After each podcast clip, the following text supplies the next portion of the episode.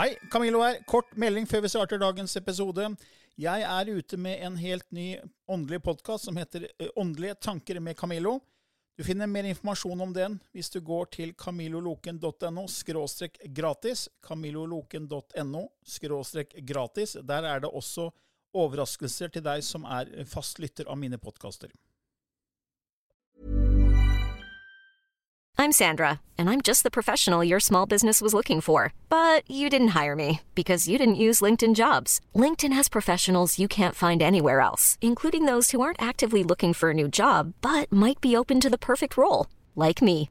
In a given month, over 70% of LinkedIn users don't visit other leading job sites. So if you're not looking on LinkedIn, you'll miss out on great candidates like Sandra. Start hiring professionals like a professional. Post your free job on linkedin.com/achieve today.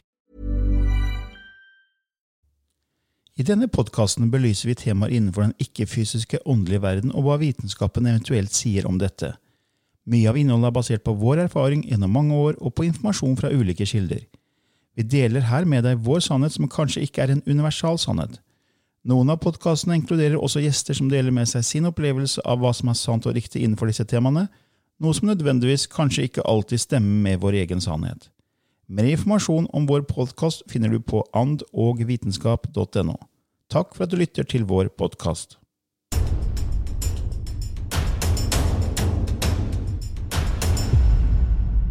Ja, Lilly, det er en ny uke, Yep. og det er ånd og vitenskap. Eh, Vi har jo i dag spørsmål og svar. Det har vi. Og eh, vi har eh, fått spørsmål fra Gunn Bodil. Eh, fordi Hun spør om det med tilgivelse. og Vi hadde jo en annen eh, spørsmål og svar-episode for ikke så lenge siden der vi også snakket litt om, om, om tilgivelse. Men det her er litt annen, en litt annen type spørsmål om tilgivelse. Så sier hun for meg er det naturlig å ønske folk godt, sende gode tanker. Aldri tenkt over det, men noen ganger så møter jeg folk som er slemme, og ønsker ikke da å gi dem en god dag. Eh, I min verden, som da er skoltesamisk slekt, så ganner man, eller så skal man passe seg for å ikke bli gannet. Vi hadde jo en episode tidligere om, det her med ganning, det å sende ut negative tanker til individer. Ja. Og også det her med å sende positive tanker, og det her med, med å ja, ønske folk godt. Fordi at energi kan reise over store avstander. på en måte. Ja. Eh, Så sier hun men etter å ha hørt på dere og alle deres episoder, så tenker jeg at jeg bør tilgi de for at de ikke vet hva de gjør, eller er uvitende om sin væremåte. Er dette noe dere kan si noe om eller har et forhold til? Ja, det der var ikke noe sånn sort-hvitt uh, svar, for det at det er jo så innmari individuelt. Fordi at du kan si at de er ikke klar over sin væremåte, men så er det jo også de som er veldig klar over sin Ja. væremåte, som er sadister. Ja. Som, som har nytelse i å skade, i Ja. å, å ikke gjøre gode ting, da. Så da, da er det jo igjen det at vi skal, hvis vi tar da ørneblikket og går over dramaet på jorda, så vet man det at i og med at man skal representere en verden av polaritet, så er det de som eh, tar rollene for å erfare akkurat det. Ja. Og at eh, de har andre liv hvor de er gode, godheter sjøl, men det er så vanskelig også når vi går tilbake i tidligere liv, så vil man helst se bare de liva hvor man var god og snill, eller ja. offer. Ja. Veldig vanskelig å hente opp fra minnet et liv hvor man torturerte, hvor man Ja. var sånn, for det, det, det kan ikke vi liksom vedkjenne oss at det er umulig, jeg som er bare god og snill i dag. Mm. Så hvordan kan jeg ha vært en sånn person? Og dette blir så komplekst, egentlig, og det er Ja. litt farlig å gå for langt inn i det. Ja, for Jeg vet jo folk i regresjon som da har fått sett at de har vært slemme i et annet liv, og fått helt sjokk. Ja. Eh, Så liksom det, For de har ikke det bildet av seg selv ikke sant, i det livet her. Nei. Og så er de nysgjerrige på tidligere liv og håper at det kanskje var noe veldig fint, og så har de vært Ja. ganske slemme, da, for å si det sånn. Ja. Og det er ikke noe hyggelig å få det bildet da. Nei, det er ikke noe hyggelig. Men det er klart, det å tilgi er jo ikke lett, og det handler jo egentlig i første rekke om aksept. Jeg tror Ja. vi snakka om det før. At, Ja. at, eh, fordi at hvis noen har vært veldig slemme mot deg, da, Ja. og jeg har jo møtt flere mennesker som har hatt forferdelige barndommer, og som Mm. har kommet seg ut av dem, og som har til, også, også har tilgitt. Ja. Fordi de har blitt spirituelle og sett det fra et større ståsted. Ja, det er Eh, akkurat det. Men det tok 30 år av Ja. i hvert fall en jeg kjenner, som da ble overgrepet som barn. ikke sant? Ja. Og det var altså nærme familiemedlemmer som sto for den, Ja. den udåden der. Ja. Og det er klart at det, det er ikke så lett å bare tilgi det. Nei. Eh, altså, lite uskyldig barn, Ja. eh, og så vokser opp med så mye vondt i deg, vondt i deg. Har Minner, forferdelig frykt, angst, depresjon. depresjon. Og fortalte og gikk på piller og alt mulig for å på en måte komme seg gjennom hverdagen. og Alt var et, det var et helvete i 30 år. ikke sant? Men så får, kommer hun da noe inn i livet som gjør at hun blir dratt mot det spirituelle og begynner å lese spirituelle bøker, reise på retreat. Får en større og større forståelse av det her som vi har snakka om gjennom hele, eh, helt siden vi starta podkasten. At det at eh, vi er i en dualitetsverden med, med Ja. form for skuespill. Vi Ja. spiller roller, noen spiller skurker, noen spiller helter. Ja. Mens vi egentlig har spilt alle typer roller i alle liv. Ja. Og derfor så er det også karmisk eh, balansering, altså det å balansere ut energi.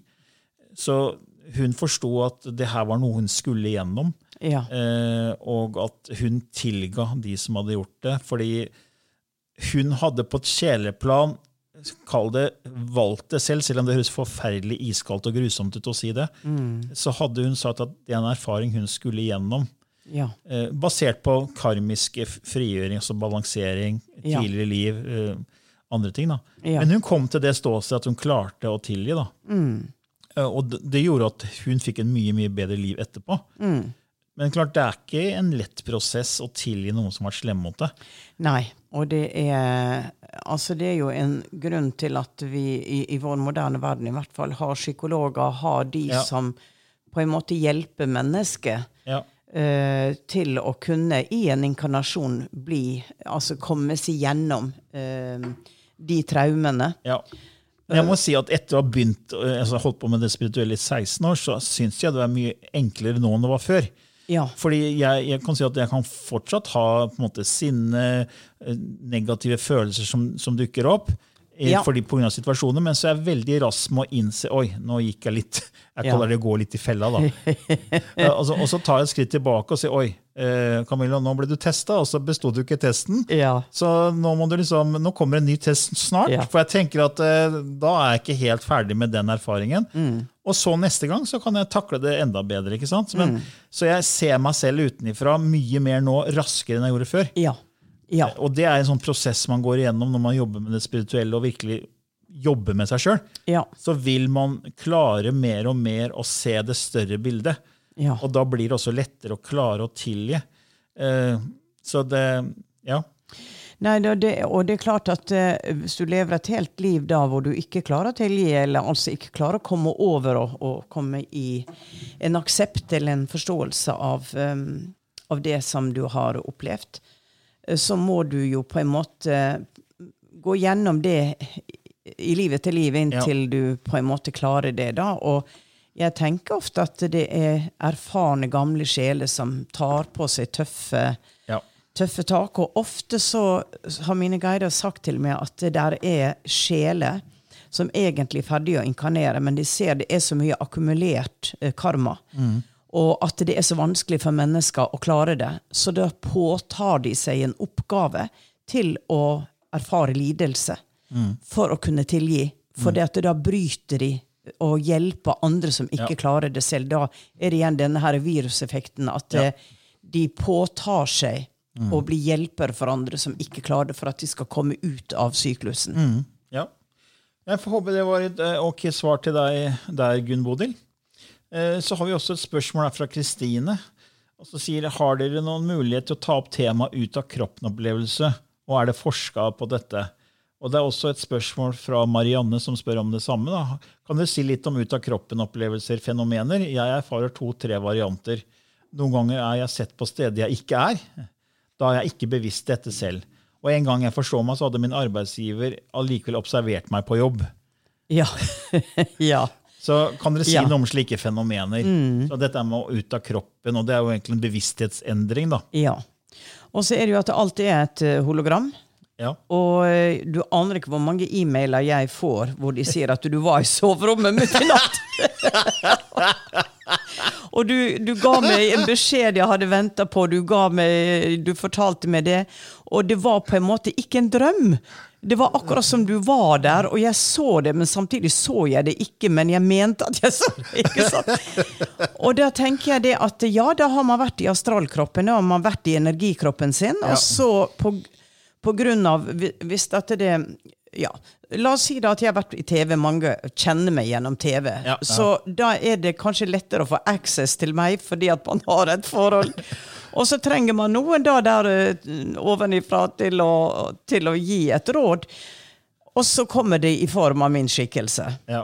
Og er det meg, eller er det en som tar min form? Det er jo også interessant, uh, Ja, for, for egentlig. Som du sa, alt er et hologram, så jeg tror Ja. at alt det vi gir nok energi til, kan manifestere seg og realisere seg. Det kan bli fysisk. Vi har snakka om det mange ganger før. At uh, energi, materie og bevissthet er det samme. Bare man gir nok energi til noe, så kan bevissthet faktisk bli materie. Ja. eh, og solid. Så da kan det hende at man har manifestert det selv. da. Men så tenker jeg, eh, Camillo, at dette er double split experiment Ja, En energi blir observert, og når den blir observert, så blir den fysisk. ja da, da ser man partikler. ja, Elektroner. Ja, Ja. Så hva om da sjefen på jobben tenkte mye på henne og sendte de tankene, og hennes energikropp var der, så kunne han oppleve å se henne fysisk. På samme måte som det double split experiment. Og du kanskje skal forklare hva det er? Ja, så det man har gjort da I kvantefysikken så er det et eksperiment som har pågått i veldig veldig mange år. Man har testa mange ut for å se hvordan elektroner oppfører, oppfører seg. Eh, så det Man har gjort, man har tatt to spalteåpninger på en plate, og så skyter man med sånn elektrongevær. Eh, sånn, veldig, Kall det elektrongevær. da. Man spytter Ja. ut elektroner elektroner Ja. og én av gangen igjen for å treffe enten den ene åpningen eller den andre. Ja. Og også det man ser da, at da får man, eh, når partikkelen, elektronene, oppfører seg som materie, så ser man da at de går gjennom disse åpningene, og på baksiden der så er det en tavle, så blir det et mønster som gjenspeiler åpningen. Ja. For det kan bare gå gjennom åpningen, ikke sant? ja. For det er en partikkel, Ja. fysisk. Ja. Så, så det er når man observerer og ser og måler og har et videokamera som sjekker hva som skjer. Ja. Men hvis man ikke måler og setter i gang det eksperimentet, her, det man ser da, da oppfører partiklene seg som bølger. Så det er akkurat som vann som treffer de to spalteåpningene og bryter og skaper mange mønster på tavla bak. Ja. Så da kan en partikkel se ut til å være mange steder samtidig. Ja. Så det man har konkludert med, er at det, det er når vi er bevisst på ting, at vi har fokus på ting, at det blir det fysiske. da. Ja. Så bevisstheten er med på å skape det vi kaller virkeligheten vår. Ja. Fordi når du ikke er bevisst på noe, så er det bare et potensial i kvanteverden. Ja. Og da kan det være alt, alle steder samtidig. Det er et potensial, men så fort det får fokus på seg, blir målt eh, og gitt energi, så pang, så må det realiseres og bli fysisk. ja. Så hvis denne arbeidsgiveren har fokusert da, eh, Jeg skulle ønske hun var her, for at Ja, et- eh, det er en jobb her som må ja, gjøres. så kan det hende at det har trigga en form for, for skikkelse som han i sitt indre har sett, da, Ja. som ingen andre har sett. For eksempel. For eksempel. Men det er jo forskjell på dette med ut av kroppen-opplevelser. Ja. Eh, Det er det som kalles spontan, og Ja. det som kalles selvindusert. At man selv bestemmer at nå, når jeg legger meg nå, nå skal jeg reise med min astralkropp. Ja. Jeg skal, med bevisstheten min så skal jeg reise. Og det er jo folk som gjør. Man Ja, ja, ja. trener seg opp i det her. Og det er stor forskjell for de som bare opplever det spontant. Så, så er det veldig ofte at man bare plutselig er ute av kroppen og ser seg selv i, i, i samme rommet. Da, at man svever over kroppen sin Mm. eh, et, fra, fra et sted i rommet. Så ser man kroppen akkurat som man gjør i nær døden-opplevelser når man først forlater kroppen. Ja. Eh, Så det er bare spontant, og så vet man ikke hvorfor det skjedde. Ja. Men så er det de som bestemmer seg for det. Ja. Og det er jo det er jo forskjell på det her, og det er jo også for, for de som på en måte bestemmer seg for det, kan reise helt i andre riker, i andre, oppleve helt andre virkeligheter. da. Eh, og jeg tror vi gjør det alle sammen hver gang vi drømmer eh, når vi sover. For eksempel, ja. Jeg tror vi da alle er på sånne astralreiser, og, og fordi da får man på en måte i hvert fall det jeg har forstått, at sjelen da erfarer ting og tar med seg det tilbake igjen. Og, og du kan snakke med andre parallelle liv. Og så, veldig mye skjer gjennom drømmer. Ja. Jeg mener du har sagt at de bruker, altså hjelperne våre bruker minste motstands vei. Ja. For da- å nå oss, ja. Og drømmer er en den minste Ja. motstands vei. på en måte. Ja. Da er vi på en måte i den bølgelengda hvor de har access. Ja, det er mer mottakelige. Og det hører du også veldig mange si at eh, jeg har sånne drømmer som jeg husker. Og det hadde jeg veldig mye før jeg åpna. Og etter jeg åpna, så er det veldig sjelden at jeg husker hva jeg drømmer. Okay. Enkelte drømmer husker jeg helt, og da er det profetiske drømmer. Da skjer ja. det som jeg har drømt. Yes, ok. Um, men fordi at nå når de meg på andre måter. Ja, ikke sant? Ja. Jeg er litt motsatt. Jeg husker veldig ofte det jeg drømmer. Ja. Men jeg, jeg, jeg, har, jeg kanaliserer ikke på den måten du gjør. da. Men jeg, jeg får det veldig ofte, og da våkner jeg og så tenker jeg, og nå fikk jeg noen erfaringer som jeg skulle ha med meg. og- ja. Eh, Men mange sier at de ikke drømmer, men alle drømmer jo egentlig hver natt. All, de, ja, de Men gjør jo det. man- mange husker bare ikke drømmene sine. Det er, ak det er akkurat det. Og, eh, og jeg har jo Altså Jeg har jo sittet i en stol og meditert, og så plutselig oppleve at eh, jeg vet at jeg sitter på stolen, men altså Det er som om jeg har reist i rasende fart gjennom en tunnel og kommet ut i noe helt ukjent. Og det er jo da ikke på denne fysiske planeten her, men det er på andre planetsystemer. Det er jo en del av de tingene jeg ikke har snakka altfor mye om. Jeg har vel skrevet om det i Ja. noen av bøkene mine. Men det, det, det var jo spørsmål om forskning her, og det er jo ikke, det er jo ikke så lett å forske på ut av kroppen-opplevelse. Nei, fordi nei.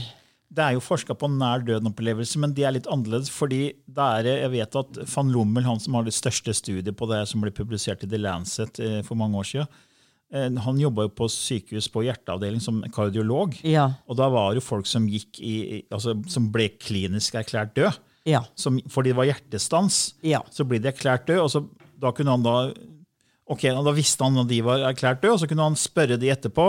Hva opplevde du? Og så f begynte han å samle informasjon. Men man vet jo ikke når noen får en ut av kroppen-opplevelse. Så, liksom så, så da må du på en måte spørre folk har du hatt det. Og så ja. viser det at det er ca. 10% som sier de har hatt det. Ja. Eh, Men du har jo ikke noe bevis for at det er sant, men du vet at noen døde på et sykehus. Ja. For du ser oi, her pip, det er jo ikke noe liv. nei, nei, Du er dau. Ja. Så, så, så, det er, så det er ikke så lett å forske på det. Så, men det, det man prøver å si fra et vitenskapelig ståsted, er at, det liksom at eh, kan man forklare det på andre måter, det som skjer. Og da sier man at ja, hallusinogener, eh, altså legemidler, drugs, kan, psykadelika, kan trigge det. Ja. DMT, LSD, Ja. ketamin, Ja. sånne type ting gjør at man kan få en ut av kroppen-opplevelse. Ja. Og det er mange som sier, som har prøvd eh, sopp og alt mulig, at de plutselig så er de ute og svever og, og opplever ting. Mm. Eh, men som jeg har sagt før, man skal ikke tulle med sånne ting hvis man ikke er 100% klar. Nei. For det, det, da kan du få bad trips. Altså, så da skal ja. man være veldig forberedt. Ja. Eh, Så er det en annen forklaringsmodell, og det er at det er eh, overbelastning av sansene. Bl.a. Blant annet under tortur så kan det bli så sterk overbelastning at bare man forsvinner ut, Ja. ut av kroppen. Ja. Og eh, det har jeg jo eh, en venninne som eh, hadde var født med leddgikt. Ja, Og masse operasjoner og narkose og uutholdelig smerte. Og da stakk hun. ja, Eh, for det var for henne da en escape. Ja. Og hun er jo et eh, fantastisk medium i dag, og jeg jobba med henne i mange år. ja. Så um, Men da takla ikke den fysiske kroppen det presset? Nei, da takler den ikke det. Da er det jo nesten sånn at hvis det blir så mye smerte, så kan du nesten dø av det. Så det går jo også utover hjertet, ikke sant. Ja. Ja, og det, hun jeg nevnte tidligere som da tilga overgrepet, Ja. hun fortalte også at hun som lita jente gikk ut av kroppen sin Ja. og fikk minnene i voksen alder. At hun Ja. og så at de forgrep seg på henne. da. Ja. To voksne menn. ikke sant? Ja. Så, så det var så sterkt at hun forsvant ut av kroppen. Ja. Så Akkurat. det, det er også en måte man fra vitenskapelig ståsted forklarer en ut av kroppen-opplevelse. Ja. Og så er det også et tredje element, og det er at eh, når det er sterke G-krefter Så når piloter og astronauter opplever veldig sterk sånn G-kraft, eh, tyngdekraft, så, så kan de også Da sier man at da kan blod delvis renne fra visse deler av hjernen, og det kan da skape en form for ut av kroppen-opplevelse. Ja. Så, så, de, så, fra et sånt skeptisk stå, ståsted da, så, Ja. så kan det liksom forklares. Ja. Men det, det er, jeg tror jo at folk kan flytte bevisstheten sin Ja. eh, og, og gå på, dra på reiser. Selv om ikke jeg har gjort det selv, så har jeg gjort det delvis gjennom lucid dreaming. Det å kunne Ja.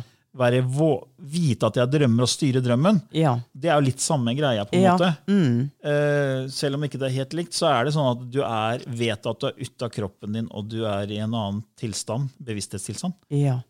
Og du kan flytte på deg og dirigere hvor du vil. Ja. Så det var en helt fantastisk følelse de gangene jeg opplevde det. Ja. Og jeg, jeg, har jeg har jo ikke trent meg opp i det, men jeg vet det er folk som trener seg på det her og klarer å gjøre det når de ønsker selv. da. ja. Så ja. Har du hatt noe ut av kroppen-opplevelse? Du er jo kobla på mye, men har du hatt en sånn hvor du har reist Ja, flere ganger. eh, men det har vært i veldig korte glimt. Eh, jeg husker første gangen jeg opplevde det, så satt jeg og mediterte. Og plutselig så var jeg bare i lufta og fløy i rasende fart over landskap. Det var akkurat som at jeg var nesten en ørn som fløy veldig lavt, og jeg så fossene, og jeg så trærne. Og det var som om det var ekte? Ja. Det var, og jeg var ikke, jeg sov ikke, jeg satt og mediterte. Og det gikk i rasende fart. Ja. Og det ble sånn at, at jeg skvatt litt, og så kom jeg tilbake. Så Ja. det varte kanskje fem minutter toppen, toppen tid. Ja, for det, jeg tror det her er litt beslekta med remote viewing. Ja. At folk som da Det er faktisk CIA har trent opp mennesker i Ja. Altså til å kunne se bak fiendens linjer og flytte bevisstheten sin. Mm. Altså her og nå, da. Eh, Ikke i andre bevissthetsvirkeligheter, men her og Nei, nå. Å flytte ja. bevisstheten sin til et annet sted på planeten. Ja, og få inn informasjon og sveve og se ting. Ja. Der, det er jo faktisk teknikk, og man kan til og med kjøpe kurs på Amazon om det. her. Ja, ja, og der er det jo en del historier som, som hvor de har tegna ned det de har sett. Problemet med det eksperimentet var jo at de så ting de ikke forsto. Altså De ser at ja, vi, vi, her er vi på en dataskjerm, men vi forstår jo ikke hva som står på dataskjermen. Nei. Så, så ja. Men jeg, jeg sitter og kjenner på det at uh, dette er tilstander som i fremtida blir mer og mer vanlige. Ja, det tror jeg òg. Jeg tror man blir mer og mer åpen for å kunne flytte bevisstheten sin. Ja. Og jeg tror faktisk, eh, ja, det er vel er ikke Damanhur, i dette, denne landsbyen i Italia som er, sånn Ja. selv, selv, som er um, selvgående, Ja. har sin egen, altså de har et eget samfunn, hvor de er veldig spirituelle, eh, og hvor de, jeg mener, for vi hadde jo eh, en møte med en som hadde vært innbygger der i ti år, Ja. som sa de hadde et eget sted eller rom hvor de faktisk satsa ned, og der gjennom energi Det var en annen mekanisme der, eller noe som induserte at det ble sterk energi, som gjorde at de kunne reise i kosmos med bevisstheten sin. Ja. Altså de, de gikk inn der med en intuisjon om å reise, og så reiste de Ja, mm. til forskjellige steder i universet. Nei, det, det er helt klart at det, dette her er, er mulig. Og der er jo uh, en bekjent av meg som reiste til et annet land og beskrev hvordan det var i rommet. Ringte til personen etterpå og sier at eh, hva slags bilde har du på, på den veggen? Jo, jeg har et bilde av sånn og sånn. Og det var det hun hadde sett. ikke sant? Og det er jo et form for bevis for det at det blir verifisert. Ja. Og, men det er ikke noe vitenskapelig Nei, det er akkurat det. det er, men det er jo mange sånne historier. Eh, Ja. Det ser man eh, i alt fra reinkarnasjon og nær døden, også, hvor man får sånn type bevis.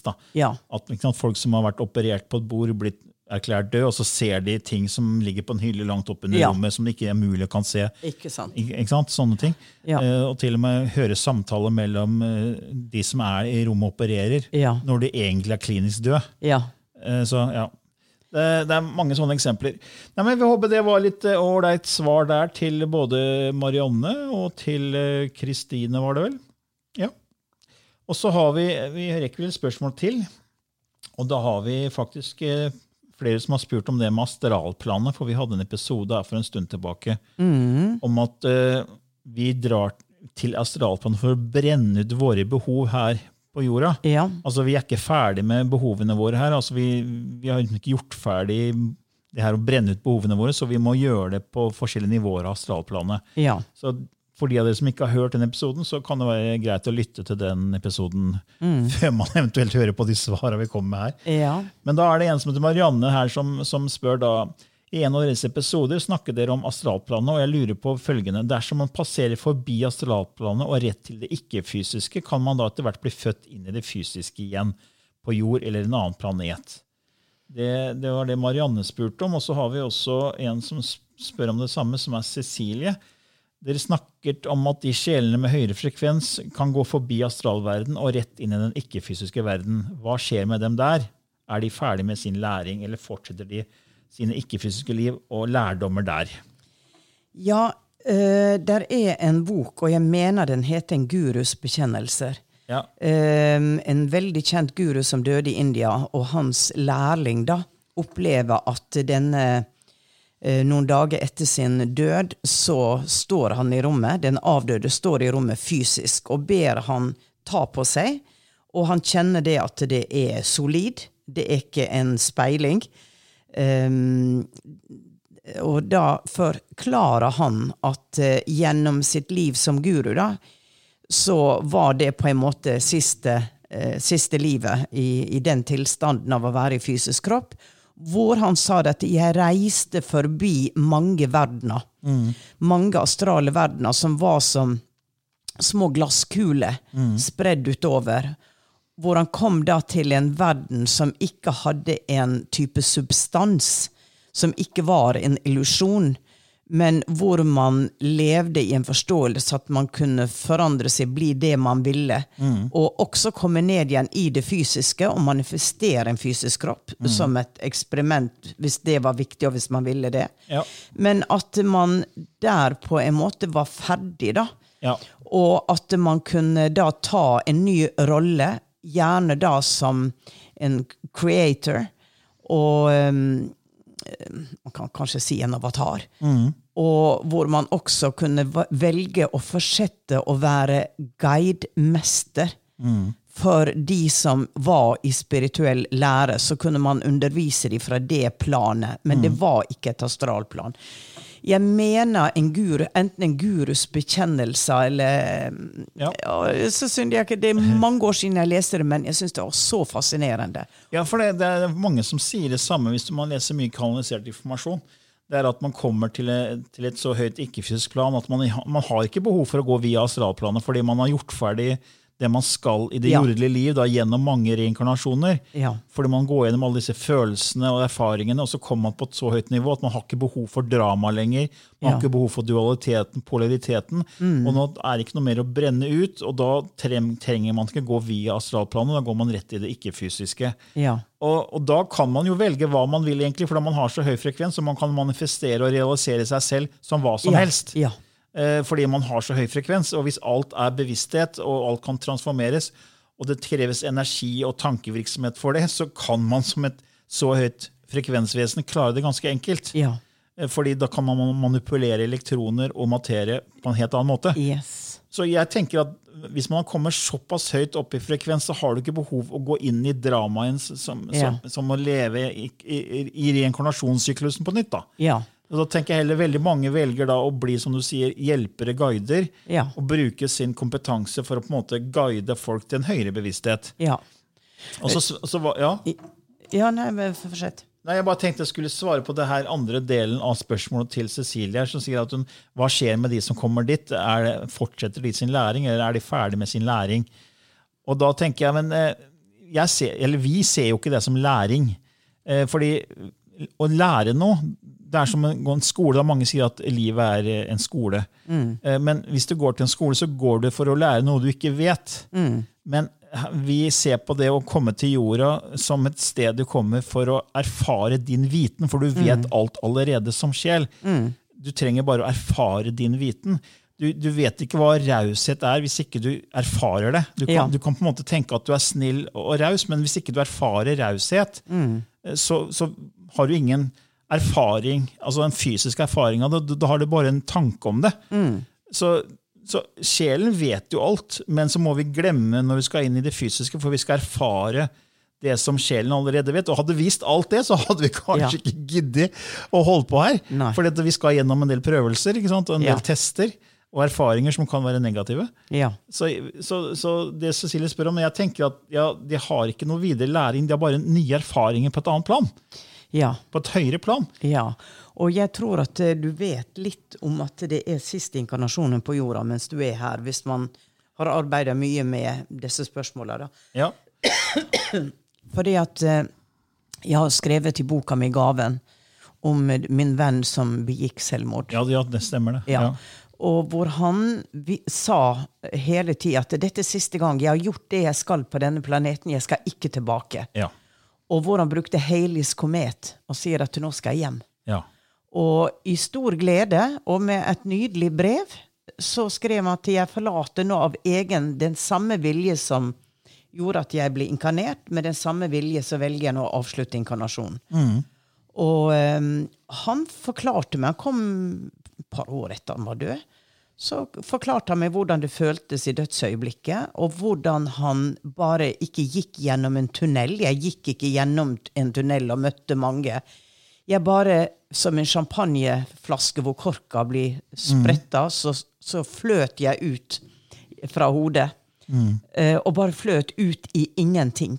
Og det var ingenting, og jeg var absolutt alt i ingenting. Eh, i, en, I en lykkefølelse som var bare da helt eh, enorm. Ja, det var kult du sa. altså Han var alltid ingenting. Det er Ja. så kult, fordi man sier jo at Gud, kilden, kraften, er alt og ingenting. Alfa Ja. og omega. ikke sant? Ja. Og jeg husker, Før så skjønte jeg aldri altså, åssen kan det være ingenting. Ja. Men så når jeg skrev 'Skapelsesparadoks', Ja. så fikk jeg jo hjelp av denne blikkenslageren Steve. Berg borte i England, som hadde jo hatt en helt fantastisk uh, utvida bevissthetsforståelse og sett skapelsen i sakte film. Ja. Og han fortalte meg ja, men se på ordet 'ingenting', Camillo. Det er Ja. Det er ikke noe konkret. Nei. Det er det abstrakte, så du er alt i både det fysiske og det ikke-fysiske. Ja. Du er alt i det fysiske, men du er også alt i det ikke-fysiske. Altså ingenting. Du er ikke noe Ja. ting lenger. Nei. Du er, du er i ett med bevisstheten til skapelsen. Da. Mm, Det er kult. Ja, ja, virkelig. Men samtidig så sier han til meg at fordi vi skulle skrive en bok sammen Ja. og Jeg var også sinna på han. For at han døde? Hvorfor stakk du? Hvorfor stakk du av gårde? Og så sier han det at Men hvis det er fortsatt et behov, så er jeg tilgjengelig for deg. Ja, riktig. Ja. Og eh, jeg vet på noen av de samtalene jeg har hatt med disse mestrene, så har de sagt at eh, det, noe av det sterkeste som er, er skapelse Å skape ting. Kreere ting. Ja. Eh, så selv om man er mestere, og så, så har man da i seg denne iboende skaperkrafta, men Ja. man skaper bare andre ting. Man skaper nye verdener. Ja, ja. Og det er helt i tråd med det Neil Donald Walsh skriver i 'Samtaler med Gud'. I trilogien så var den første store trilogien jeg leste Ja. etter jeg begynte på min reise. For da sier at når du kommer på høyere nivåer, så skaper du, men det er veldig mye mer samskapelse. Ja. Man skaper, for det er så mye å skape. Ja. Men du har ikke behov for dette dramaet lenger. Nei.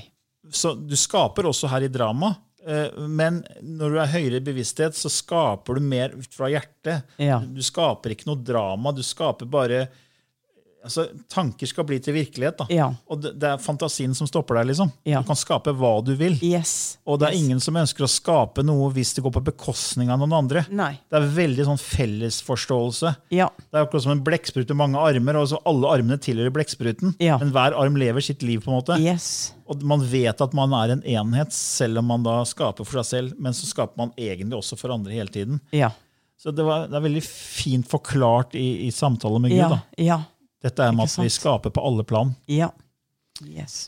Ja, da får vi Ja. håpe at det var litt ålreit svar der til Cecilie og Marianne om astralplanet. Ja, Lilly, tiden flyr.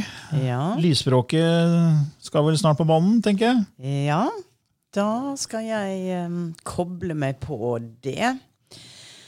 Å, skapelsen. Har skapelsen et språk? Ja. Har det et felles språk, eller er det allerede fra skapelsen bare spredt ut i billioner av biter? ja. Åh, ok. Ok, stor, Nå er vi på store ting her, Camillo. Spennende å se hva som kommer. Ja. Ok, nå må vi bli mer seriøse da, Lilly. Ok. Skifter Lilly litt gir. Og de av dere som ikke kjenner til lysspråket, kan gå inn på vår nettside annovitenskap.no og lese mer om det der. Det er et menypunkt som heter lysspråket.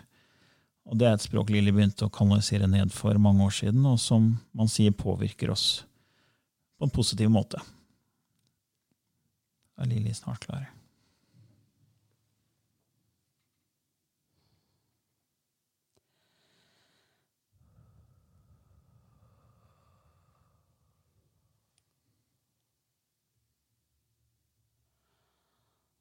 Ai cry i my chiza. Urata inuju apakihe rinahihe. Olahi tuchkoa emi no e e e i utukwa. Ajnahia satatekei. Upchu ust tukuchiana tekei. Ilaijdu tikruare tekei jinanana. Ipei kei satikichkwa. Inoho tuch at chikayana. Ilai stikehi nuchituku chukwa ai. Emenai tekei siatakehei. Upruka ipre ena yichi ikuchi wete ikre ena na chika. Ja, ja chichikaki setete. Imana ia. Ujua tuka emat chiku.